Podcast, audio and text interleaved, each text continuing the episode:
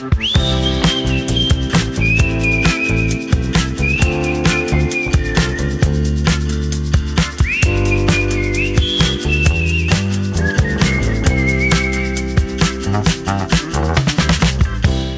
Andreu.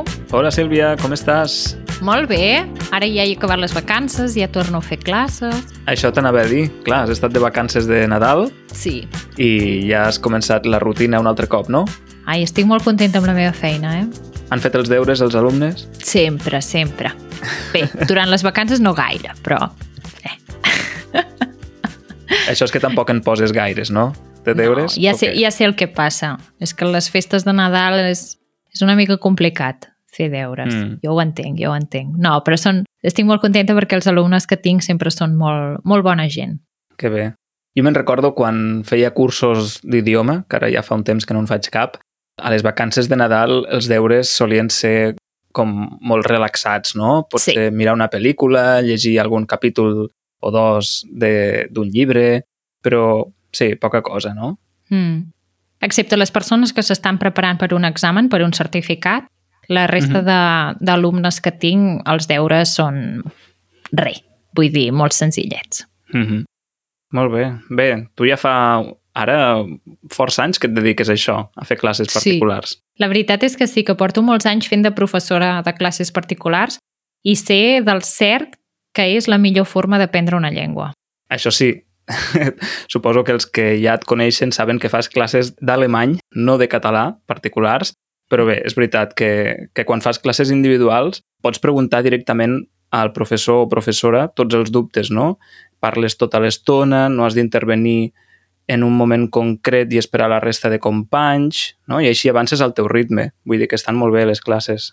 És que jo crec que això és molt important, perquè si hi ha un tema que és molt senzill per tu, no? per, al, per, per tu que estàs fent aquestes classes, pots passar directament en el següent tema. En canvi, si hi ha un tema concret que et costa més, doncs hi dediqueu molt més temps. Mm. I parlant del temps, clar, fent classes particulars, fas les classes quan a tu et va bé. I si només pots un dia a una hora concreta, només t'has de posar d'acord amb la professora.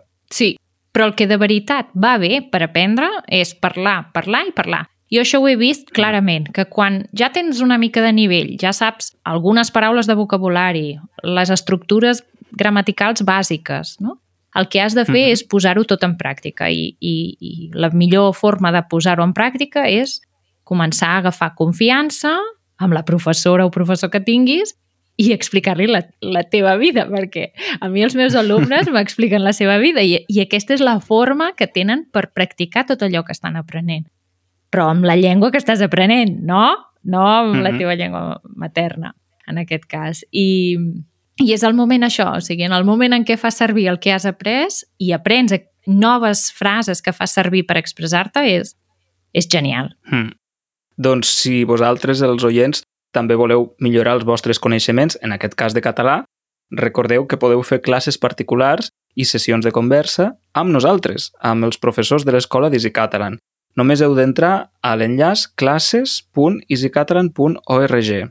Allà hi trobareu les sessions de conversa, que són només per practicar la parla, o les classes particulars, on el professor o professora us prepararà activitats i materials pel vostre nivell i així poder aprendre tots els aspectes de la llengua, però en el teu ritme, en el vostre ritme. Tema del dia. Doncs avui, Andreu, el tema del dia anirà sobre promeses. Mm -hmm. Interessant. Sí, t'explico. Fa uns mesos, un noi que es diu Toni i que és de Guatemala ens va escriure un missatge privat per Instagram dient-nos doncs, que era seguidor oient del podcast i que li agradava molt i que hauríem de parlar d'aquest tema, del tema de prometre i de les promeses. Perquè va veure un vídeo, un reel d'Instagram de, concretament del Matí de Catalunya Ràdio, que és un programa de ràdio de la ràdio pública de Catalunya, i Mhm. uh -huh. en aquest minivídeo que ens passava en Toni, una noia que és filòsofa, la Marina Garcés, explicava Mhm. molt breument que no sabem prometre i que vivim a la societat del no et prometo res.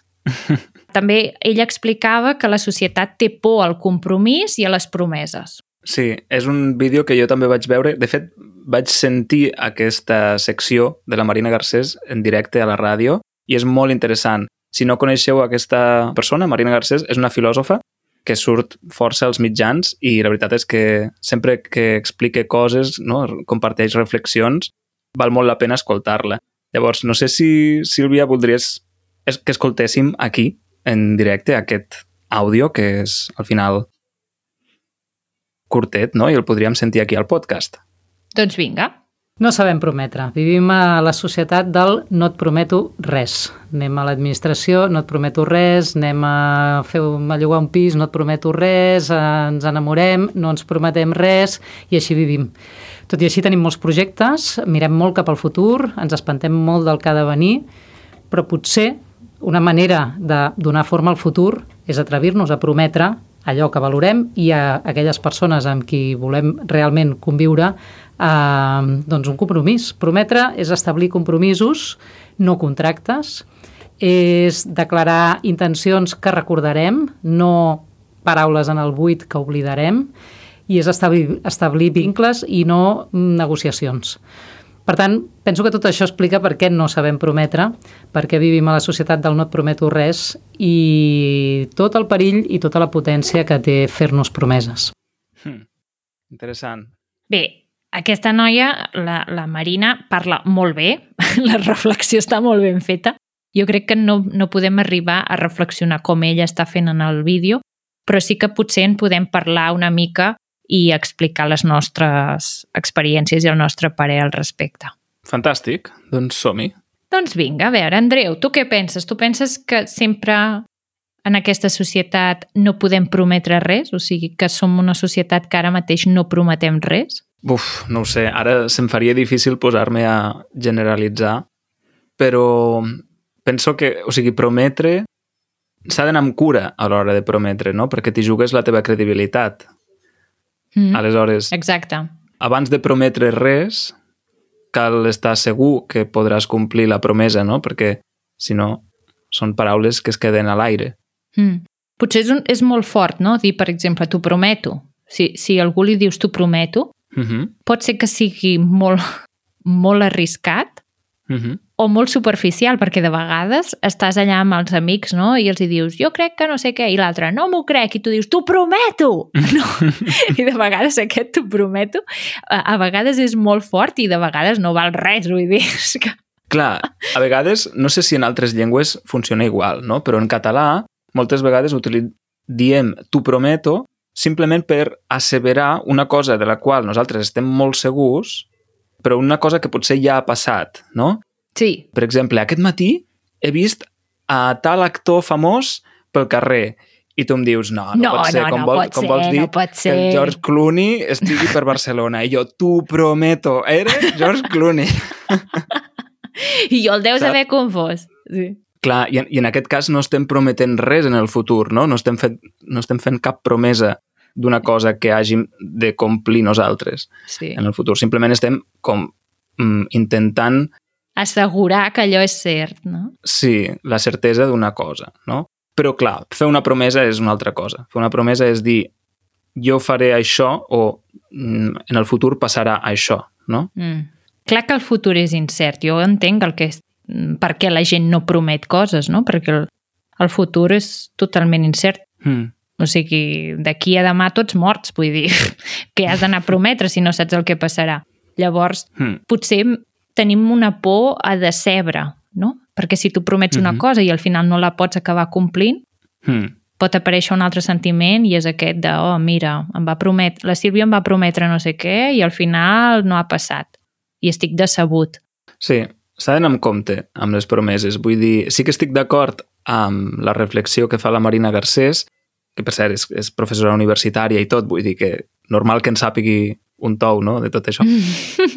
que és veritat que estem com en una societat on tot és molt volàtil, tot va molt ràpid, no? estem fent mil coses alhora, ens arriba molta informació i llavors hi ha moltes paraules que es queden en, en l'aire, però no sé, també penso que les promeses no s'han de fer a la lleugera, no? Vull dir que potser prometre que prometem poc potser tampoc és un problema. saps? És a dir, potser seria un problema que prometéssim massa. No sé. Clar, home, si, si vas prometent tota l'estona i allò no compleixes res, ja m'explicaràs tu. Mm. Quina validesa té la teva paraula? Cap, ni una. Però crec que també té molt a veure amb la confiança, no? Vull dir, si una persona, amb aquella persona hi tens confiança i confies de veritat, potser no cal que et prometi res. Vull dir, ja hi confies. Ja saps que Mhm. farà tot el possible per fer allò. Sí. I és que, de fet, estic pensant, quina va ser l'última vegada que vaig prometre alguna cosa amb la paraula prometre, no? Com tu prometo. Doncs ara que has dit això ho he estat reflexionant i crec Sí. que l'última vegada, no fa gaire, i és amb la meva neboda. A La canalla Ahà. tenen una cosa i és que necessiten estar segurs d'una cosa i, a més a Clar. més, si tu els hi dius una cosa, l'has de complir. Perquè si no, eh, pot ser que es munti Mhm. un drama.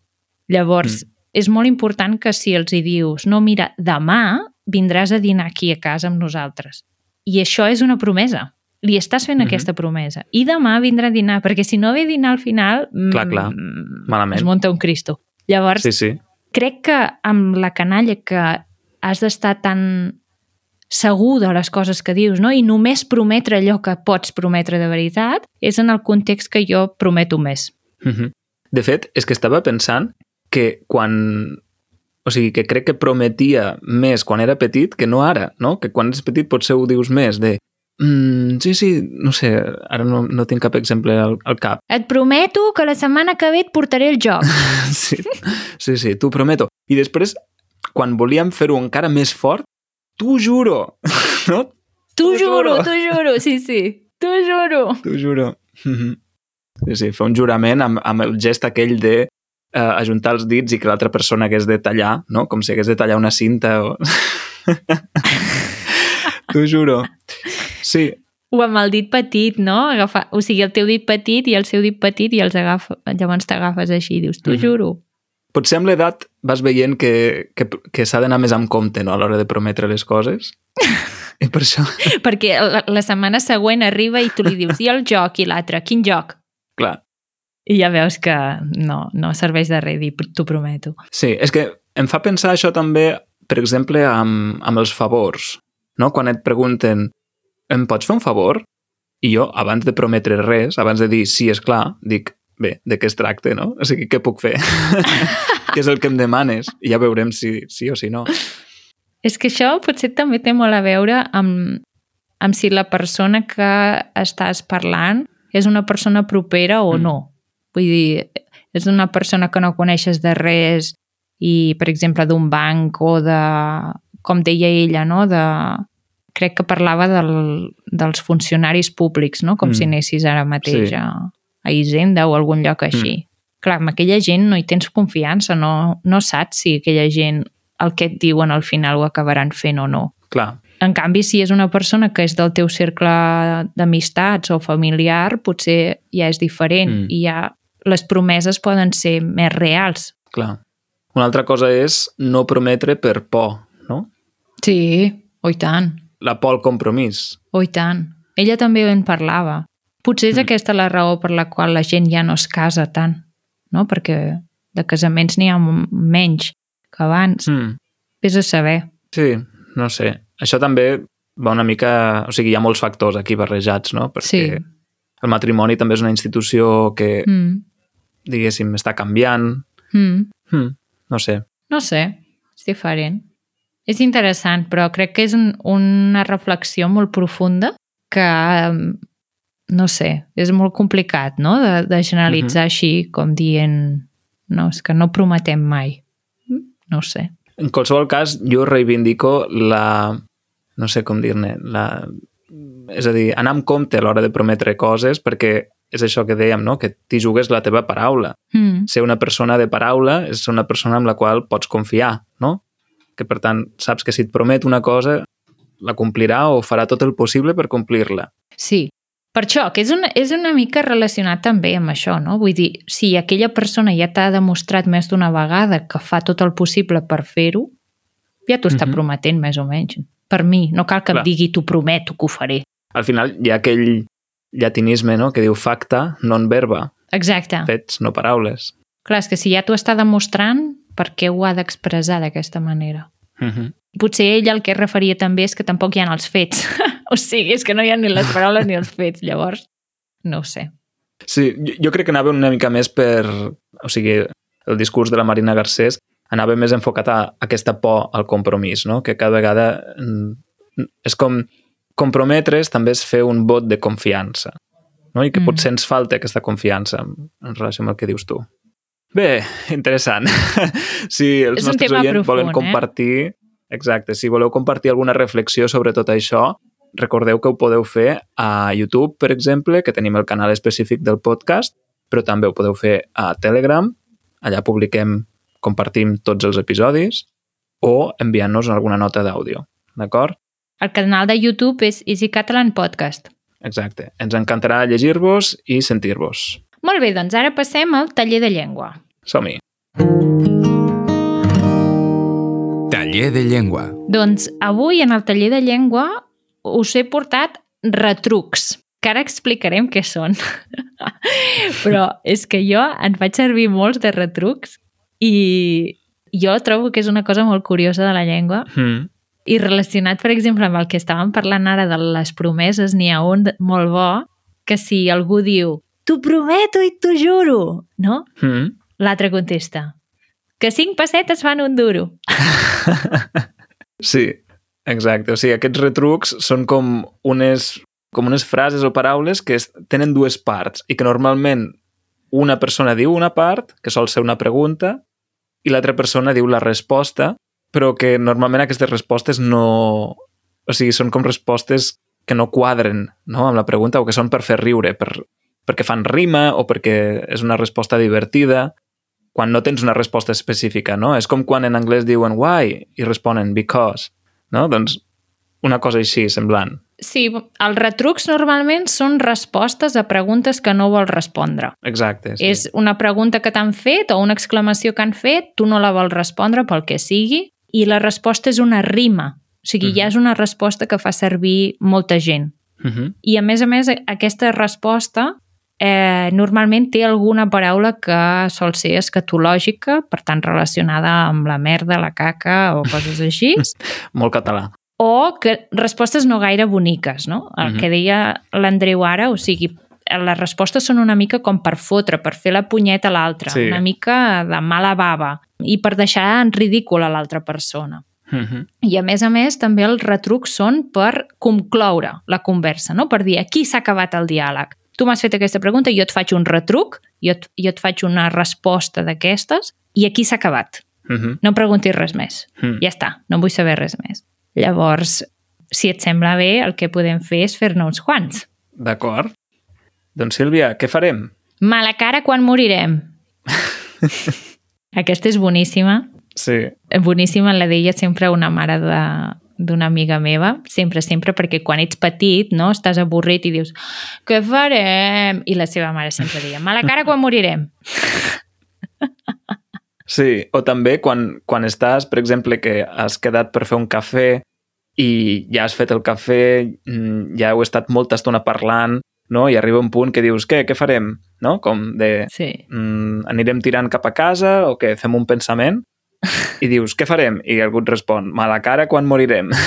I et quedes, ah, ah, molt bé. I clar, ja no gosses tornar-ho a preguntar, no? Ja, ja s'acaba aquí la Clar, conversa. sí, sí. Molt bé, següent. Què dius? Mira nius, Què deies? mira velles.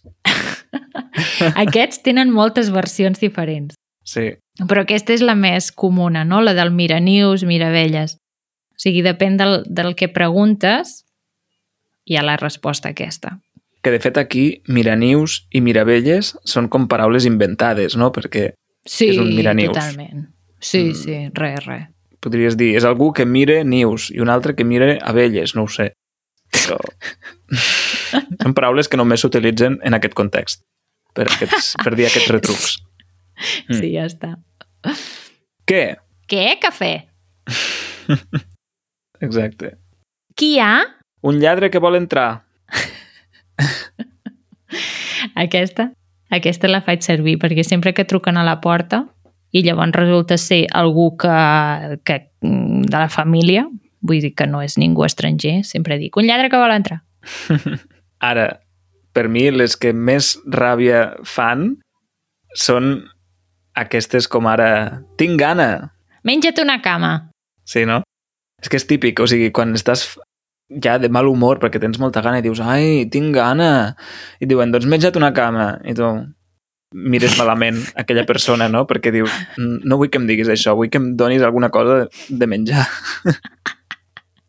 Però és que normalment són en contextos que no hi ha la possibilitat. Vull dir, per molt que Ja. et queixis, per molt que diguis que tens gana, no puc fer-hi res. Llavors, Mm. és una altra forma de dir, calla, Sí, no, calla. Ja, quan puguem menjar ja menjarem. Ara no podem menjar. exacte. Andreu, tinc set. Doncs pixa't a la mà i beu a galet. És que m'encanta. Aquesta, és a dir, és, és molt escatològica i potser hem d'explicar què és beure a galet, no? Aquesta expressió, beure a galet.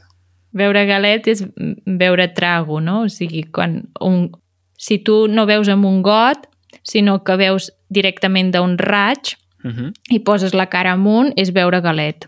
Sí, com per exemple, quan algú us deixa beure de la seva ampolla d'aigua o cantimplora, però no voleu tocar no? el- l'ampolla amb els vostres llavis, doncs beveu a galet, Si mai beveu amb un canti o amb un porró, veureu a galet. també. Exacte. Llavors, tinc set, doncs pixa't a la mà i beu a galet. Ja us podeu imaginar l'escena, no? D'acord. Al següent hi he posat dues versions. Si vols, les podem fer totes dues. Sí. Sílvia, tinc fred. Posa el cul a la paret. Què dius? Aquesta més, dius, no, no, no vull posar el cul a la paret, que la paret és freda i tindré més fred encara. Bé, però també et pots quedar més arreserat, no? Vull dir, si estàs allà al mig del pas o t'acostes a una paret, potser llavors ja no fa tant fred, vull dir, estàs més arreserat. Ah, potser Aquesta sí. encara li veig una mica de sentit, potser. Versió 2 de Tinc fred. Tinc fred. Estrenya el culet. Estreny el culet. Aquesta no sé si l'havia sentit. Que ja m'es- ja m'explicaràs tu, vull dir. Mm. No sé. En fi, Estreny el culet vol dir fes força amb els, amb els glutis, no? sí. Perquè el culet és això, és el cul, el culet. Molt bé. D'on vens? De collir fems. És perquè no vols dir d'on vens. Vull dir, vens d'algun lloc, l'altre no vols que ho sàpiga. I dius de collir fems. Altre cop, una, un retruc escatològic. Escatològic vol dir en relació amb la caca i altres coses semblants. En aquest cas, fems, els fems, són les caques, per exemple, de les vaques o d'altres animals. Mm. I diria que... mm, O sigui, nosaltres en diem escombraries o brossa, però diria, ara no me'n recordo, crec que és el, el País Valencià, que crec que en comptes d'escombraries o brossa n'hi diuen fems. Ah, sí. A les illes, segur. Ah, doncs a les illes, no a les illes. Sí, Sí. sí. A Mhm. les illes, perdó. D'acord, continuem. Què passa? Un burro per la plaça i un altre pel carrer i tu no n'has de fotre res. Hosti, jo no coneixia aquesta versió tan llarga. Jo coneixia la versió de un burro per la plaça. I prou. doncs jo, jo sempre he dit tota, aquesta, tota sencera. D'acord, la pots repetir? Sí. Un burro per la plaça i un altre pel carrer i tu no n'has de fotre res. Uh -huh. Tu no n'has de fotre res, és a dir, ja tu no t'importa, no? Exacte. Clar, és que és això, o sigui, t'estan preguntant què passa, tu no els hi vols explicar i fas aquesta Mm. mm. resposta per dir, s'ha acabat, no em preguntis res més, no t'ho vull explicar. Mm. Sí, sí. En fem dues més i la resta les deixem uh, pel bonus. Et sembla bé, Andreu? Sí. Què hem de fer? Vendre la casa i anar a lloguer. I l'última, d'acord? Aquesta no és que l'Andreu hagi de fer una pregunta, sinó que és més aviat com que s'ho està pensant, que tarda molt a acabar-ho. Hmm. Què farem? Si les ruques no fan rucs, tant si fan ases com someres, estem fotuts de totes maneres. Aquest tampoc el coneixia. Jo crec que els més coneguts són els més curts, no? Com ara, doncs això, tinc gana, menja't una cama. Què farem? Mala cara quan morirem. Aquests, sí, són els més habituals. Molt bé, doncs la resta els expliquem en el bonus, que sapigueu que si voleu accedir en el bonus, que són aquests 3, 4, 5 minuts extras que fem de podcast, només heu de entrar a la comunitat, fer-vos membres de la nostra comunitat a easycatalan.org barra membership. Exacte, allà veureu que hi ha diferents nivells de subscripció i amb la subscripció de podcast tindreu accés a aquests minuts extra, al bonus, també a la transcripció completa de tots els episodis i, bé, a la resta d'avantatges de les altres subscripcions, de la subscripció bàsica, com és l'accés a Discord. També, si voleu repassar tots aquests retrucs, els teniu a les notes del programa, com sempre. Si aneu a mirar l'aplicació des d'on escolteu l'episodi, allà hi ha un apartat on normalment hi deixem els enllaços o les expressions que comentem no? i tot allò que és més important de l'episodi. Molt bé, doncs fins aquí l'episodi d'avui. Agrair a tothom que hagi arribat fins aquí, a tots els oients del, del podcast, a totes les persones que formen part de la nostra comunitat, que ens donen suport i que ens segueixen. I als membres de l'equip que col·laboren en la producció d'aquests episodis, com el Joan i també la Irene. Una salutació a tothom i fins la setmana que ve. Adeu! Adeu, adeu!